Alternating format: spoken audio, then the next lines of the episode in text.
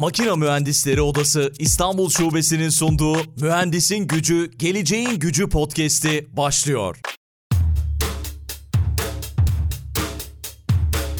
Mühendisin Gücü, Geleceğin Gücü podcast'inin ikinci sezonundan herkese merhaba. İkinci sezonun ilk bölümünde Almanya'dan Siemens Enerji'de Yalın program direktörü olarak görev yapan Sezin Taşkın Köylüoğlu'nu konuk ediyoruz. Sezin şu anda karşımda. Sezin hoş geldin, selamlar. Merhaba Aykut, çok teşekkürler beni davet ettiğin için. İkinci sezonun ilk bölümünde olmak benim için gurur verici. Çok teşekkürler. Herkese merhaba. Rica ediyorum uzun zamandır planlıyoruz. Senin konunu da çok çok merak ediyoruz açıkçası. İlk sezonda da zaman zaman değindik bu konulara ama Endüstri 4.0'la yalın üretim arasındaki ilişkiyi konuşacağız biraz bu bölümde. Senin de uzun zamandır çalıştığın uzmanlık alanın hem Asya tecrüben var hem Avrupa tecrüben var.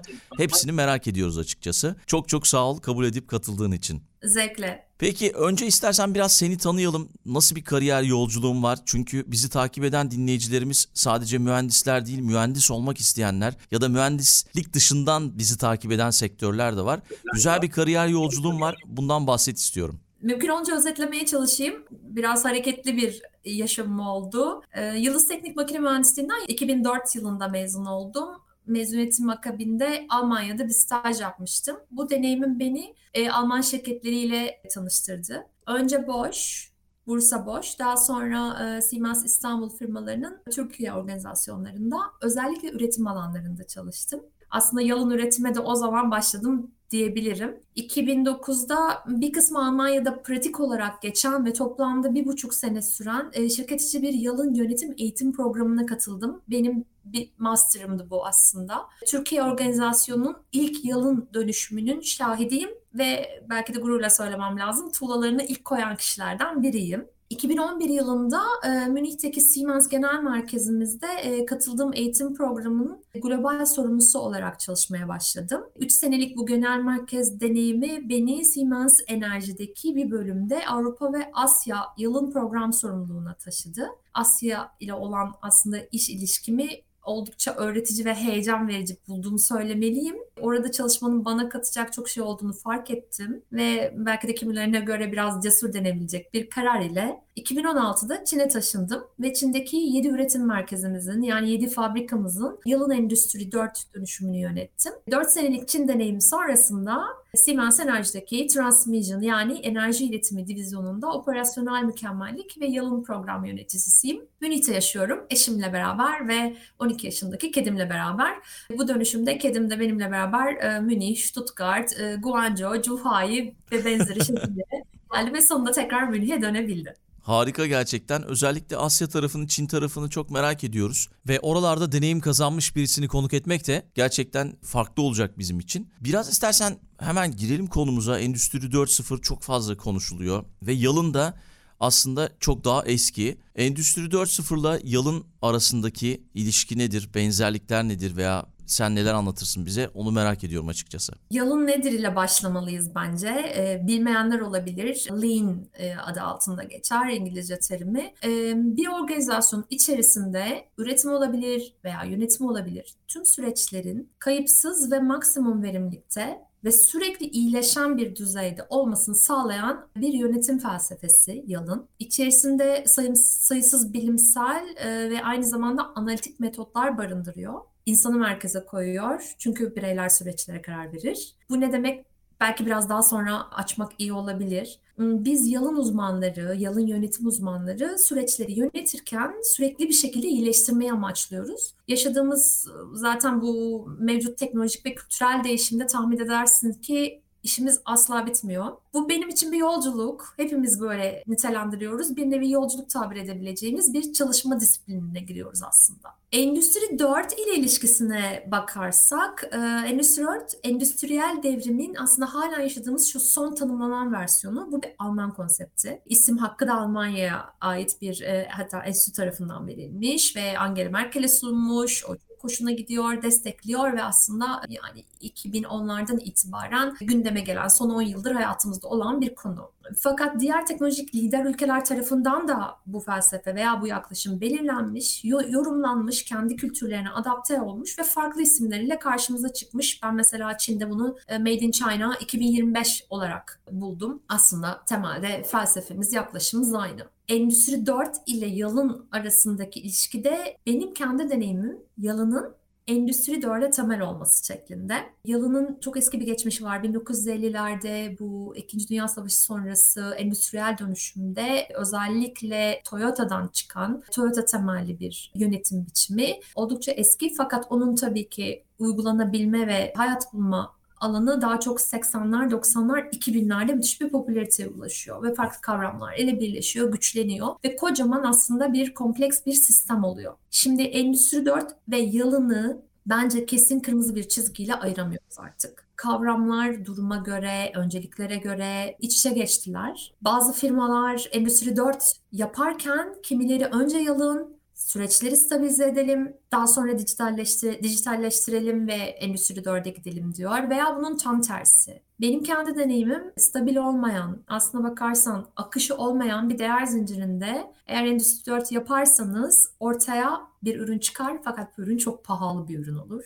Çünkü yeniden tasarlanması gerekecektir. O kayıpların yeniden adapte olması ve o bütün programın yeniden gerçekleşmesi gerekmek, gerekecektir. Belki bu noktada şeyi de konuşabiliriz yani yazılım mühendislerinin ile olan ilişkisini konuşabiliriz. Bilmiyorum Kesinlikle yani Endüstri 4.0 yazılım mühendislerinin neden yalın üretim bilgisine ihtiyacı var? Belki bundan bahsetmen yararlı olacaktır diye düşünüyorum yazılım mühendisleri öncelikle süreci anlamalı ve onun zayıf noktalarını ve bence potansiyel tıkanıkları görebilmeliler ki ona göre ve son ürüne ve ihtiyaca yönelik bir tasarım ortaya çıksın ve bir yazılım ortaya çıksın. Sürecin çıktısı ürün. Bu ürün bir materyal olabilir, bir malzeme olabilir. Aynı zamanda bir veri de olabilir, bir bilgi de olabilir. Bence temel kavramımız o anlamda akışı yaratmak. Endüstri 4 ile veri, malzeme veya ürün tüm süreçlerde akar, senkronize ve harmonik bir biçimde müşteriye ulaşabilirse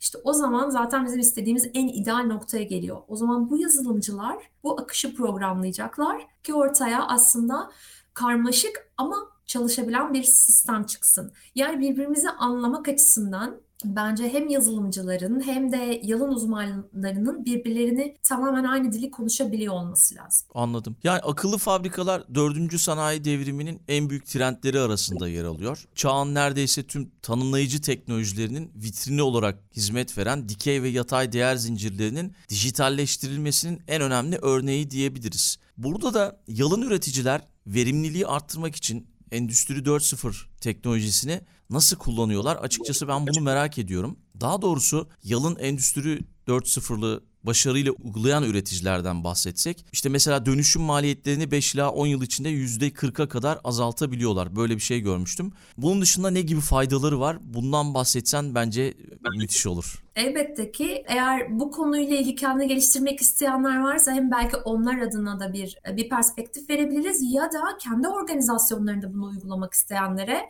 e, çünkü söyleyeceğim argümantasyonlar e, oldukça etkileyici. Şimdi çok net şu kadar fayda sağlıyor demek zor her şeyde olduğu gibi bu koşullara, ürüne, sürekliliğe, sürekli uygulamaya ve hatta şirket kültürüne çokça bağlı. E, yalın ile temelde ilk başladığınızda %30 ila %50 bandında bir sevkiyat süresinde iyileşme sağlayabiliyoruz. Bir azalma sağlayabiliyoruz. E bunlar bizim böyle çabuk toplanan meyveler dediğimiz low hanging fruits diye tab- tabir edilen şeyler. Yani aslında ilk etkiyi çok hızlı görüyoruz. Özellikle üretim alanında. Ben belki bunu biraz daha kolay anlatabilmek için üretim dışı bir e, örnek vermek isterim. Bir havaalanı analojisi kullanabilirim. Veya uzun güvenlik ve çekim kuyruklarını düşünün. Dar boğaz yaşıyoruz. Tıkanmaya yol açıyor. E çünkü süreçler manuel ve kişiye bağlı. Yani siz oradaki bir kişinin işte sizin adınızı tek tek yazmasına, işte bilgisayara girmesine bağlısınız ve diğer herkes bunu bekliyor. Bu işlemlerin tüm gereksiz olanlarını ayıklayıp müşteriye sadece katkı sağlayan yani neye ihtiyaç varsa olanları bırakıp otomatize ettiğiniz noktada ne oluyor? Bekleme süreniz minimuma iniyor. Yani sevkiyat süresi dediğimiz şey aslında bu havaalanı girişinden uçağa kadar olan süre. Yani siz neden 2 saat önceden havalimanına gidiyorsunuz? Aslında 10 dakikada gidebilmelisiniz. Sadece yürüme alanını düşünün. Hele ki bu kompakt bir havalimanıysa çok daha az zaman gerekecek. Belki 8 dakika edecek. Şimdi bizler için de böyle. Yalın yaparken uzun ve gereksiz e, yürüme mesafeleri, gereksiz bekleme süreleri veya gereksiz bilgi, fazla bilgi bunları eliminize ettiğiniz zaman, elimine ettiğiniz zaman ortaya çıkan net değer aslında müşterinin ihtiyacı olan şey. Şimdi bu felsefeyle yaklaşıp metotları buna göre uyguladığımızda süreç zamanında ve net çalışma alanında ortalama bir yüzde beşlik iyileşmeyi amaçlıyoruz. Şimdi bunun altında kalırsak her sene yüzde beşten daha hızlı olmazsak belki de öyle söylemem lazım ve maliyetleri yüzde beşten daha az düşürürsek bu rekabet yarışında geri kalıyoruz. Doğru uygulanmış ve bütünsel yaklaşılmış bir program dahilinde ve aslında genel olarak yaptığımız yılın dönüşümü başta %10 belki sonra %5-6 seviyesinde iyileşme sağlıyor. Buna bir de otomasyon, bir de dijitalleşme eklediğinizde her yıl %7 ile 10 arasında bir verimlilik bandına ulaşabildiğimizi ben deneyimledim. Kendi organizasyonlarımda da görüyorum. Yani o senin aslında okuduğun 5 ila 10 yıl içinde %40'a kadar azaltılabilirin üzerine dahi çıkan bir iyileşme oluyor. Çünkü bu bir süreklilik. Yani sürekli bir kaybı fark ediyorsunuz. Onu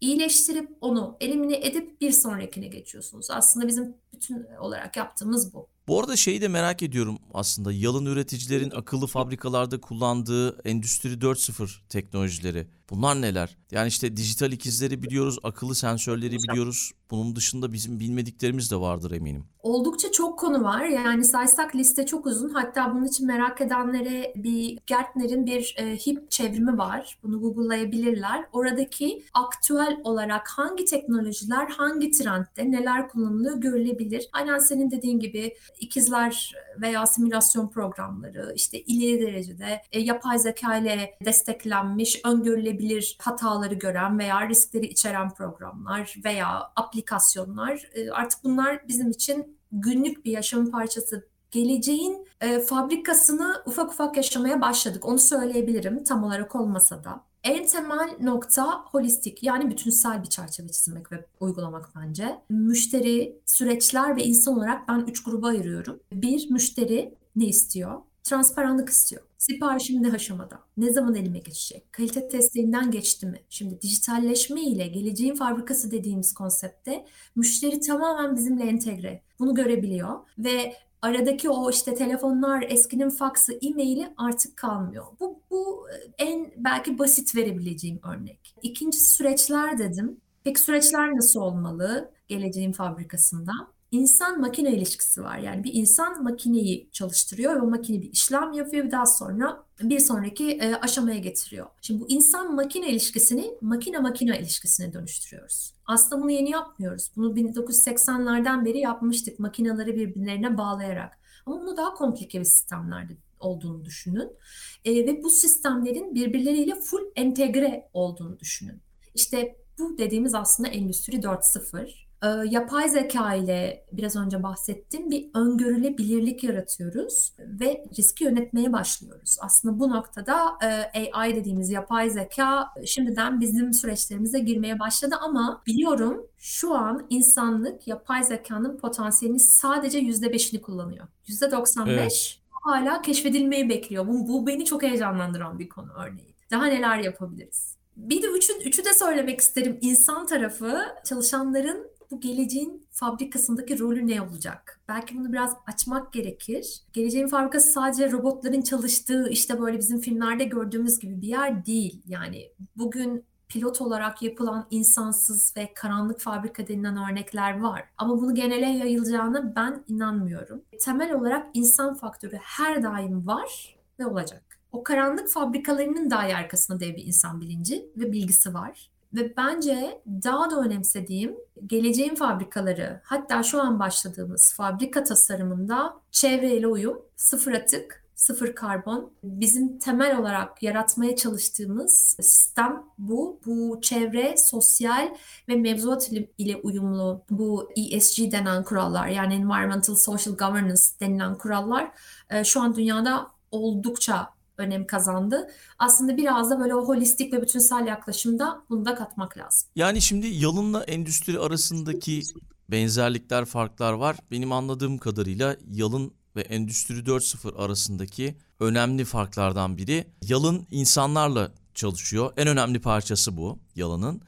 Onların ihtiyaçlarına ve birbirleriyle nasıl etkileşime girdiklerine bakıyor. Ama Endüstri 4.0'da bilgisayarlara, otomasyona, robotiğe odaklanıyoruz. Ama sevindirici bir şey senin öngörün gerçekten güzel. İnsan her zaman işin içinde olacak ki böyle kaygılar da oluyor. Acaba işte gelecekte insan hiç olmayacak mı bu işin içinde diye. Bu da değerliydi gerçekten bu verdiğim bilgi ya da bu öngörü. Ee, belki şunu ekleyebilirim. Çok doğru söylüyorsun. Ee, yalın insanı temel alıyor ama aynı zamanda da tabii ki süreçleri de temel alıyor dediğimiz gibi. Çok sevdiğim bir aslında bir denklem var benim. İyi liderler iyi insanları yetiştirir. İyi insanlar iyi süreçleri ve iyi süreçlerde mükemmel sonuçları yaratır. Yani siz aslında temelde liderlikten başlayarak bizleri şu anki mevcut koşula adapte eder, eğitir ve buna uygun bir şekilde geliştirirseniz zaten bizim ortaya çıkartacağımız süreçler mükemmel olacak. Ve bu mükemmel süreçleri Endüstri 4, 4 ile besleyip birbiriyle çalışan, entegre ve uyumlu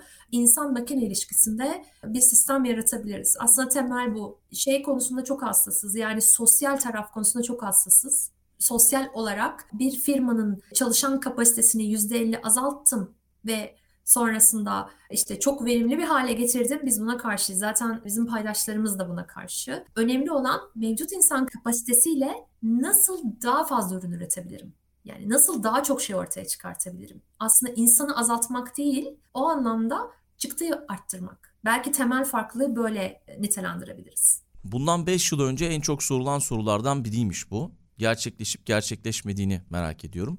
E, üreticilerin gerçeğe dönüştürmek için strateji ve liderlik, çalışan becerileri ve BT altyapısı açısından hangi kolaylaştırıcılara ihtiyacı olacak? Bu çok fazla sorulan soruymuş. Bu yeni teknolojiler konusunda. Bunun için ne demek istersin? Ya biraz önce ufak değindik yani konu liderlik. Liderlik her olduğu gibi değişim alanında da kritik önemde. Şu an biz bir değişim yönetmeye çalışıyoruz. Ee, ve bunu bazen fark etmeden üstümüze alıyoruz ve devam ediyoruz. Bazen de onu tasarlıyoruz. İns- insanlar için ve insanların uygulayabileceği noktaya getirmek için eğitim programları ve çalışanların ileri düzeyde kod yazma bilgisi olmadan dahi kendi sorumluluk alanlarındaki basamakları iyileştirebileceği bir bilgi temeli yaratmaya çalışıyoruz. Yani artık bizler kendi iş akışlarımızı otomatize eder olduk. Bunun için bir e, aslında çok e, ileri bir programcıya da ihtiyacımız yok kendi temel ve basit düzeyde ki işlerimiz için söylüyorum. Yani eskiden günler süren raporlamalar yapılırdı.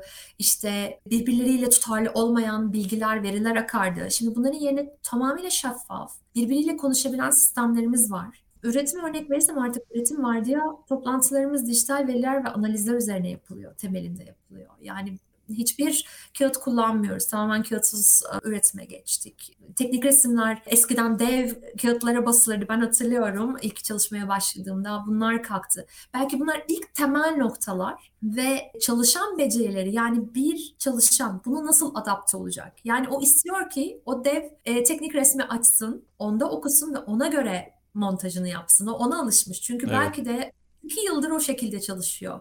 Şimdi o çalışanı bu yeni teknolojiye adapte etmek, işte dokun, dokunmatik e, sistemleri kurmasını sağlamak. Bunlar da bizler için aslında bir eğitim programlarımızın bir parçası. Ben şey örnek vermek isterim bu noktada. Gördüğüm bir yanlışı söylemek istiyorum. Bunu hepimiz yaptık yıllar içerisinde ve hala yapmaya devam ediyoruz. Biz ameliyat yapıyoruz. Bir problem var, bir sorun var. Onu ameliyat ile iyileştirmeye çalışıyoruz benim inandığım ve kesinlikle sonuçlarından çok büyük fayda gördüğüm bir sağlık sistemi oluşturmak. Ameliyata gerek kalmayacak. Hastayı o ameliyat düzenine koymayacak nasıl bir sağlık sistemi ortaya koyarız? Burada aslında program yönetimi önemli. Yani bütün paydaşlar, bütün e, bileşenler en uçtaki, sürecin ucundaki kişiden en ortasındaki kişiye kadar herkesin birbirleriyle konuştuğu, entegre olduğu aslında bir sağlık sistemi yaratmak. Yalın endüstri dönüşümünde e, belki de kilit formül.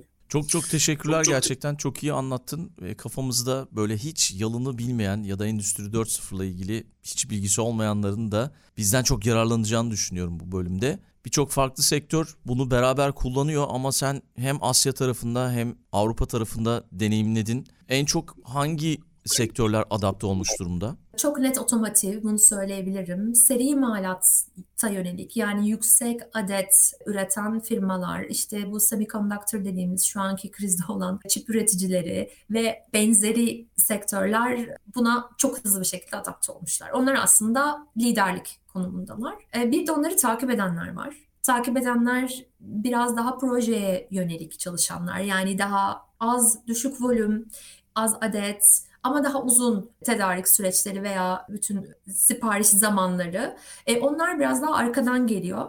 Fakat kötü gelmiyorlar. Çünkü herkesin kendi koşuluna ve durumuna göre aslında formülize ettiği bir sistem ve herkese göre de bir çare var. Yani çaresiz ve çözülmeyen problem yok bu sistem içerisinde. E, dolayısıyla aslında bu bir sadece endüstri olarak düşünmemek lazım. Bir hastanede de yalın yapıyorsunuz. E, Doğru. Veya dijitalleşme yapıyorsunuz. Ee, yani herhangi bir isterseniz bir diş kliniğini de otomatize edebilirsiniz. Onun tamamen veri sistemini. E, bunu görmek ve bunu deneyimlemek o bütün kafadaki algıları yıktı. O anlamda bence benim Çin'de yaşadığım ve gördüğüm, şahit olduğum şey benim de algımı çok değiştirdi. Ya öğretilmiş ama yanlış olan çok büyük algılarımız var. Ee, o anlamda kendi adıma zenginleşmiş olarak döndüm 4 yılın sonunda onu söyleyebilirim Çin'den. Belki Çin'den bahsetmek yerinde olur çünkü meslek, biz bir meslek odasıyız biliyorsun. E, makine Mühendisleri Odası İstanbul Şubesi olarak dünyadaki başarılı mühendislerimizi konuk ediyoruz. Ve özellikle Türkiye'deki mühendisler ya da dünyanın çeşitli yerlerindeki mühendisler de farklı deneyimleri merak ediyorlar. Asya tarafında nasıl bir deneyimin olduğu, Avrupa tarafı ikisini belki karşılaştırmak doğru olur mu bilmiyorum ama oradaki deneyimlerini anlatmak ister misin? Tabii ki zevkle. Şimdi Çin çok deneysel ve çok cesur. Sonuçlarının ne olacağı konusunda çok fazla kafa yormuyor. Bir deneyelim görelim mantığı. Aslında agile dediğimiz şey hani şu agile mantık yani dene, hata yap, öğren ve onu adapte et sonra tekrar dene Çin'de var. O anlamda en büyük fark aslında ben Avrupa'yla o şekilde gördüm. Batı dünyası daha mükemmeliye mükemmele odaklanıyor. Daha yüzde yüz çözüm. Yani sonucundan emin olmadan adım atmıyor. E ne yapıyor? Bu bizi geri düşürüyor. Yani biz burada Avrupa... Zaman kaybı oluyor. Daha yavaşız. Kesinlikle zaman kaybediyoruz. Yani bir projenin bir işte yeni bir hat kuracaksınız. O hattın planlanması, uygulanması ve sorunsuz bir şekilde yürümesi. Avrupa'da bir buçuk yıl sürerken bu süre çok net bir şekilde Çin'de 6 ay. Yani üçte bir oranında daha düşük zamanda bunu başardık. Mükemmel oldu mu? Hayır, hiç önemli değil. Ama biraz kervan orada yolda düzülüyor açıkçası. Ve sonunda istenilen e, noktaya geliniyor. Belki de istenilen nokta yüzde yüz değil ama yüzde seksen ile mutlu olabiliyorsunuz. E, burada ben büyük bir m, kültür ve mühendislik yaklaşım farkı farkı gördüm. Türkiye'de de e, biraz böyle herhalde. Kesinlikle. O anlamda aslında Türkiye'de, Türk olmamın, Türkiye'de yaşa, yaşayıp çalışmış ve uzun seneler çalışmış olmanın e, müthiş bir rahatlığını gördüm. Hiç garipsemedim. Dedim ki işte tam biz de böyleyiz aslında. Benim daha çok garipsediğim Almanya ile karşılaştırmak oldu. Biz bence güzel bir harmandayız. Yani ne çok üstün körü yapıyoruz ne aşırı dikkatli bir şekilde gidip zaman kaybediyoruz. O anlamda ben Türkiye'nin pratik zekasını ve bunu güzel bir şekilde harmanlayışını son derece doğru buluyorum. Şimdi ben Almanlarla konuşurken daha doğrusu Alman ve Türklerle birlikte çalışanlarla konuşurken Almanlar hep şunu söylüyorlar. Türkler hep şey diyormuş. Yaparız, hallederiz, çözeriz. Ama yani bir kriz durumunda Almanlar hemen panik oluyorlar. Nasıl yapacağız, nasıl edeceğiz? Ama Türkler biz yaparız, hallederiz, çözeriz e, mantığında ilerliyorlar. O yüzden her zaman yayınlarda da bunu söylüyorum. Bunu bizim kullanmamız lazım ki kullanıyoruzdur e, mutlaka ya da işte avantaj oluyordur yurt dışında mutlaka çalışanlar için. E, sevdiğim yönlerimizden biri belki bunu değerlendirmemiz gerekiyor. Kesinlikle bu zenginliği belki biraz arttırmamız gerekiyor, veriyle desteklememiz gerekiyor. Çünkü Batı eğitim sistemi ve düşünme sistemi, sistematiği olarak veriye çok dayalı.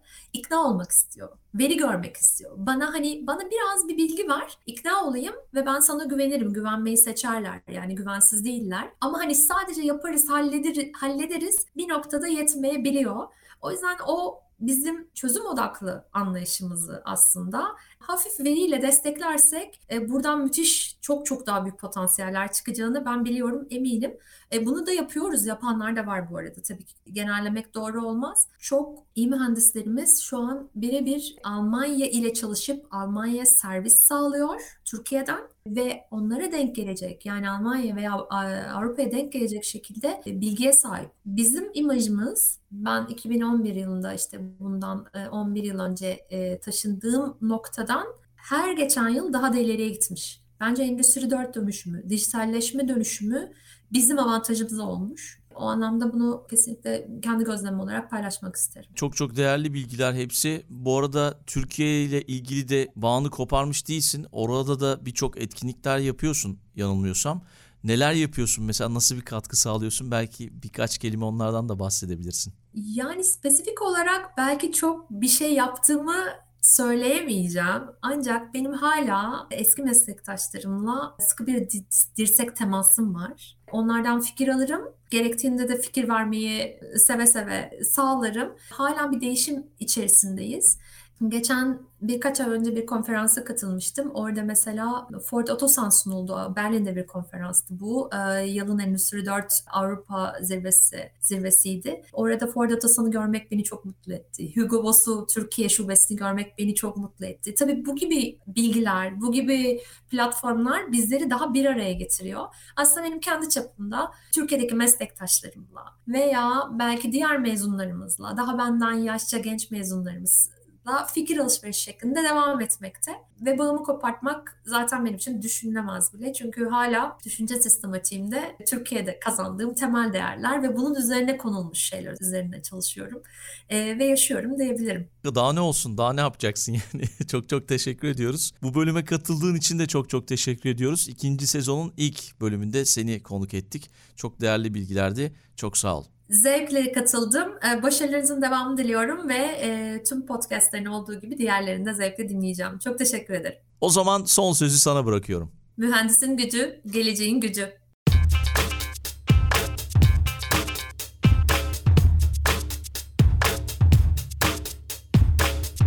Makina Mühendisleri Odası İstanbul Şubesi'nin sunduğu Mühendisin Gücü, Geleceğin Gücü podcast'i sona erdi.